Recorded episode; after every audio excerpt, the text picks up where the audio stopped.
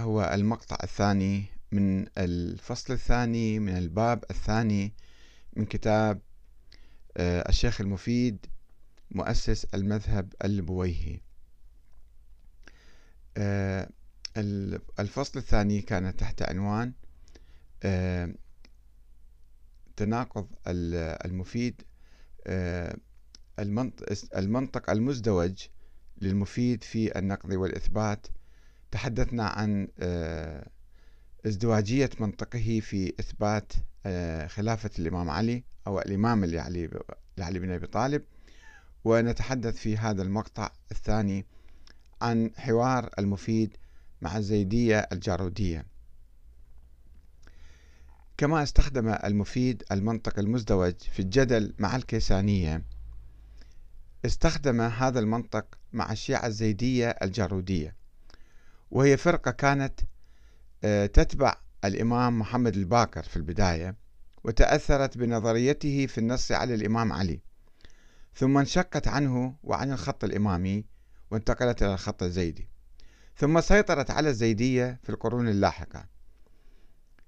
آه، بالذات كانت تؤمن بأن هناك نص على الإمام علي والحسن والحسين على الأئمة الثلاثة. وأما بعد ذلك فلا يوجد نص على أحد. وقد ألف المفيد كتابا خاصا في الرد على هذه الفرقة الجارودية. يحاول المفيد في البداية الاستعانة بالجارودية في دعم النظرية الإمامية ثم يجادلها في النقاط الخلافية فيقول اتفقت الشيعة العلوية من الإمامية والزيدية الجارودية. يعني بقية الزيدية لم يكونوا يؤمنون بالنص من الأساس لم يكونوا يؤمنون بالنص على الإمام علي. اتفقت الشيعة العلوية من الإمامية والزيدية الجارودية على أن الإمامة كانت عند وفاة النبي صلى الله عليه وسلم لأمير المؤمنين علي عليه السلام وإنها كانت للحسن من بعده وللحسين وإنها من بعد الحسين من ولد فاطمة لا تخرج منهم إلى غيرهم ولا يستحقها سواهم ولا تصلح إلا لهم فهم أهلها دون من عداهم حتى يرث الله الأرض ومن عليها وهو خير الوارثين. ثم يحاول أن يختلف معهم في حصر الإمامة في أبناء الحسين فقط كما يقول محمد الباكر. فيدعي المفيد أنها لا تصلح إلا لولد الحسين ولا يستحقها غيرهم ولا تخرج عنهم إلى غيرهم ممن عداهم حتى تقوم الساعة. ولكن المفيد لا يملك من الأدلة ما يثبت به دعواه غير القول. أن ولد الحسين إنما اختصوا بالإمامة لفضلهم على كل من عداهم من بني عمهم وغيرهم في المعاني التي يستحق بها الإمامة من العلم والبصيرة بالتدبير والسياسة وكيت كيت. ما لا بد من حوز الأئمة له من الفضل. لولا ذلك لجوزناها في غير ولد الحسين وما قصرناها فيهم. هذا كلام عادي يعني ما في دليل شرعي. وينقل رد الجارودية على هذا الكلام. قالت الجارودية هذه دعوة منكم يا معشر الإمامية بلا بينة. فدلوا على صحتها بحجة وإلا فأنتم متحكمون.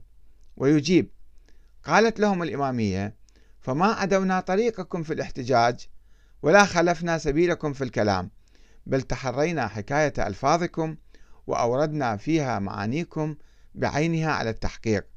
فإن كنتم فيما اعتمدتموه من اختصاص الحسن والحسين بالإمامة واستحقاقها لهما دون أخوته إخوتهما على دعوى لا يثبت لها بينة فكفا فكفاكم بذلك عارا عند أهل النظر ومثله شهدتم على أنفسكم بالتقصير.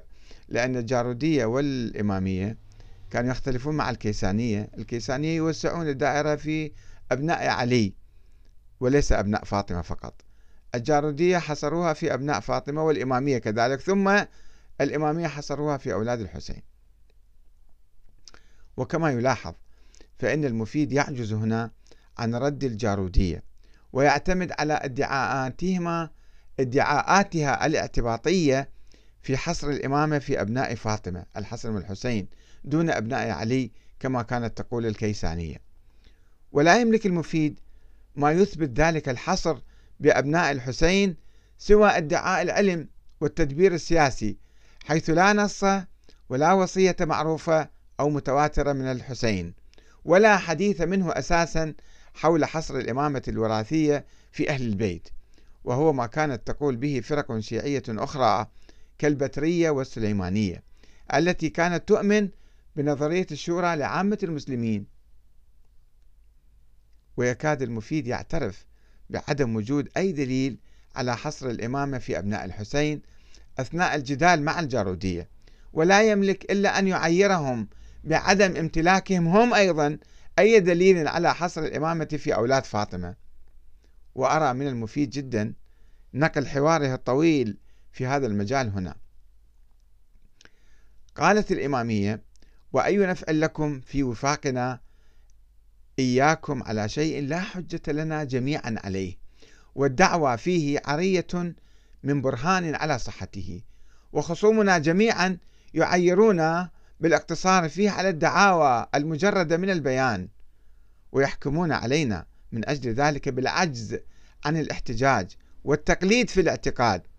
اللهم إلا أن تزعموا أن الدعاوى مغنية عن البرهان. الدعاوى مغنية عن البرهان. فيلزمكم ما ذكرناه من الدعوة لولد الحسن وتسقط مطالبتكم بالبرهان.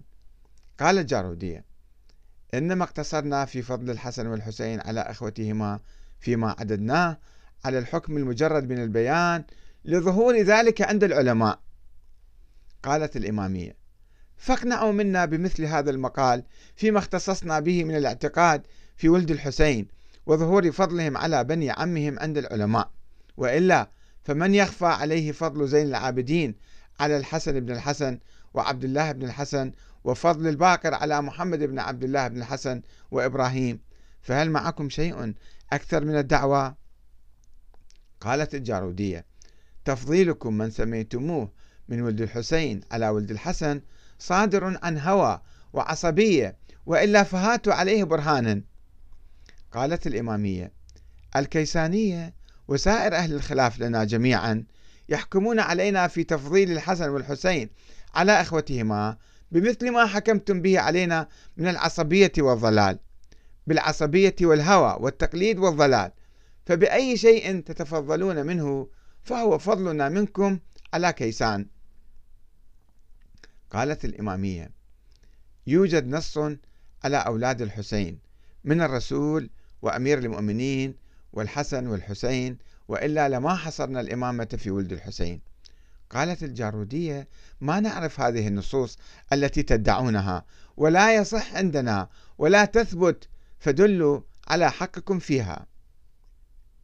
قالت الإمامية هذا قول الكيسانية لنا جميعا في إمامة الحسن والحسين وتعلقنا بالنص عليهما وقول المعتزلة والمرجئة والحشوية والخوارج وحكمهم على بطلان دعوانا في ذلك وإنها غير ثابتة ولا صادقة ومطالبتهم لنا بالحجة عليها. فماذا يكون جوابنا لهم؟ دلونا على وجه نعتمده وإلا فنحن جميعا على ضلال. وقد ورد الخبر عن النبي أنه قال إن الله اختارني نبيا واختار علي لي وصيا. واختار الحسن والحسين وتسعة من أولاد الحسين أوصياء. إلى أن تقوم الساعة في أمثال هذا الحديث لفظه ومعناه. قالت الجارودية هذه خرافات وأخبار موضوعات وإلا دلونا على صحتها ببرهان. قالت الإمامية هكذا تقول لنا جميعا الكيسانية في الخبر الذي أثبتناه في النص على الحسن والحسين وتقول لنا الناصبة بأسرها. يعني عموم السنة يعني يقصد. ويحكمون بأنه خرافة وموضوع فبأي شيء انفصل بيننا وبينكم فهو فصل لنا منكم بغير إشكال. قالت الجارودية كيف يثبت أخباركم في النص على ولد الحسين وهي غير معروفة عند ولد الحسن؟ اللهم إلا أن تحكموا عليهم من دعوى الإمامة لأنفسهم بالعناد. قالت الإمامية لسنا نقطع على أن المدعين الإمامة من ولد الحسن كانوا عارفين بالنصوص على غيرهم من الأئمة. فسلكوا في خلافها طريق العناد. ولا نحكم أيضا عليهم فيما ادعوه من ذلك بالضلال الموجب للتأويل بخبر العفو عنهم في ذلك. ونرجو لهم فيه الغفران. فلا يمتنع أن يكون ما هم فيه لنصرة الدين وما نالهم به من القتل والآلام مكفرا لزللهم في دعوى الإمامة ومستمرا لهم كثيرا من الثواب. ومن أصحابنا من يقطع بالجنة لجميع ولد فاطمة فهو يحكم لهم بالتوبة قبل خروجهم من الدنيا بينهم وبين الله وإن لم يظهر ذلك للعباد كلام تعسفي يعني. ثم يخاطب الشيخ المفيد الجارودية قائلا إن مقالتكم لنا في هذا الباب كمقال الناصبة لنا جميعا فيما ذهبنا إليه في النص على أمير المؤمنين عليه السلام. وذلك أنهم قالوا لنا كيف يثبت أخباركم في ذلك؟ وهي غير معروفة عند أبي بكر وعمر وعثمان وطلحة والزبير وسعد وسعيد وعبد الرحمن والمهاجرين بأسرهم والأنصار والتابعين لهم بإحسان. اللهم إلا أن تحكموا على الخلفاء الراشدين بالعناد والخروج عن الإيمان وتضللوا الصحابة من المهاجرين والأنصار. وتفسقوا التابعين بإحسان وتشهدوا على الجماعة بالردة عن الإسلام. وهذا من أفحش المقال. حديث الثقلين لا يفيد معنى. قالت الجارودية إن لنا حجة في اختصاص الحسن والحسين وولدهما بالإمامة دون غيرهم من ولد الإمام وبني هاشم قول النبي إني مخلف فيكم الثقلين ما إن تمسكتم به لن تضلوا كتاب الله وعترتي أهل بيتي وإنهما لن يفترقا حتى يرد علي الحوض. قالت الإمامية هذا الخبر بأن يكون حجة لمن جعل الإمامة في جميع بني هاشم أولى من أن يكون حجة لمن جعلها في ولد فاطمة يعني يشمل حتى العباسيين والطالبيين لأن جميع بني هاشم أترة النبي وأهل بيته بلا اختلاف.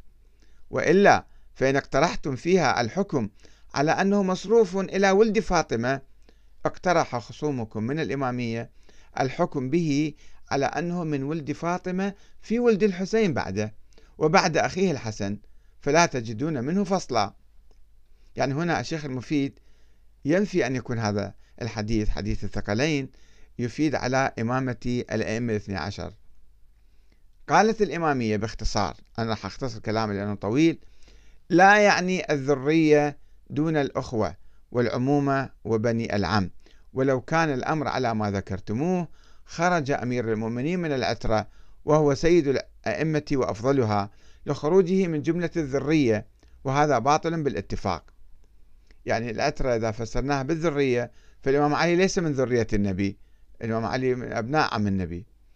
قالت الجارودية فهذا يلزم الإمامية فيجب أن يكون العباس وولده وعبد شمس وولده داخلين في جملة الأترة التي خلفها النبي في أمته. إذا كانت الأترة تتعدى الورثة إلى غيرها من الأهل وهذا نقض مذهب الشيعة. يعني إذا فسرنا كما يريد الشيخ المفيد كلمة الأترة بأنها عامة فإذا هذا الحديث ينقض مذهب الشيعة عموما. أن الإمامة محصورة في آه، أهل البيت وبأبناء النبي. قالت الإمامية هذا يلزمنا لو تعلقنا في الإمامة باسم الأترة كما تعلقت الزيدية لكن لا نعتمد في ذلك ولا نجعله أصلا لنا في الحجة.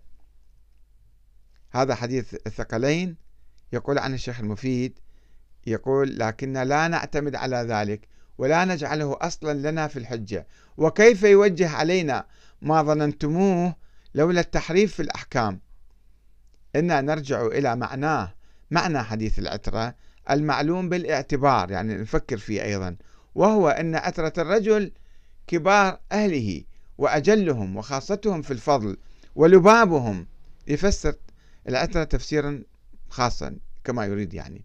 وقد ثبت عندنا بأدلة من غير هذا الخبر من غير هذا الخبر. فضل أمير المؤمنين في وقته على سائر أهل بيت النبي.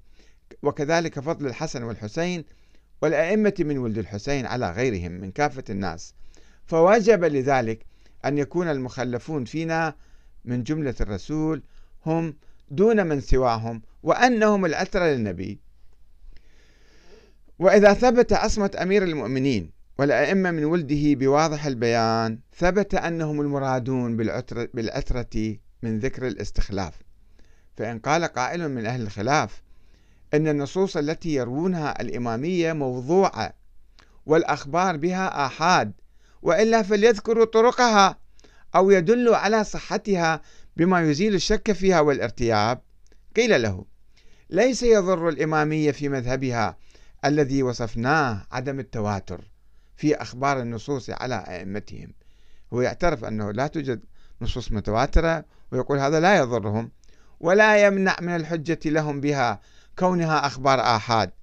لما اقترن إليها من الدلائل العقلية فيما سميناه وشرحناه من وجوب الإمامة وصفات الأئمة عليهم السلام بدلالة أنها لو كانت باطلة على ما تتوهم الخصوم لبطل بذلك دلائل العقول الموجبة لورود النصوص من أئمتنا عليهم السلام بالاتفاق والظاهر الذي لا يوجد اختلاف وهذا بين بحمد الله لمن كان له عقل يدرك الأشياء.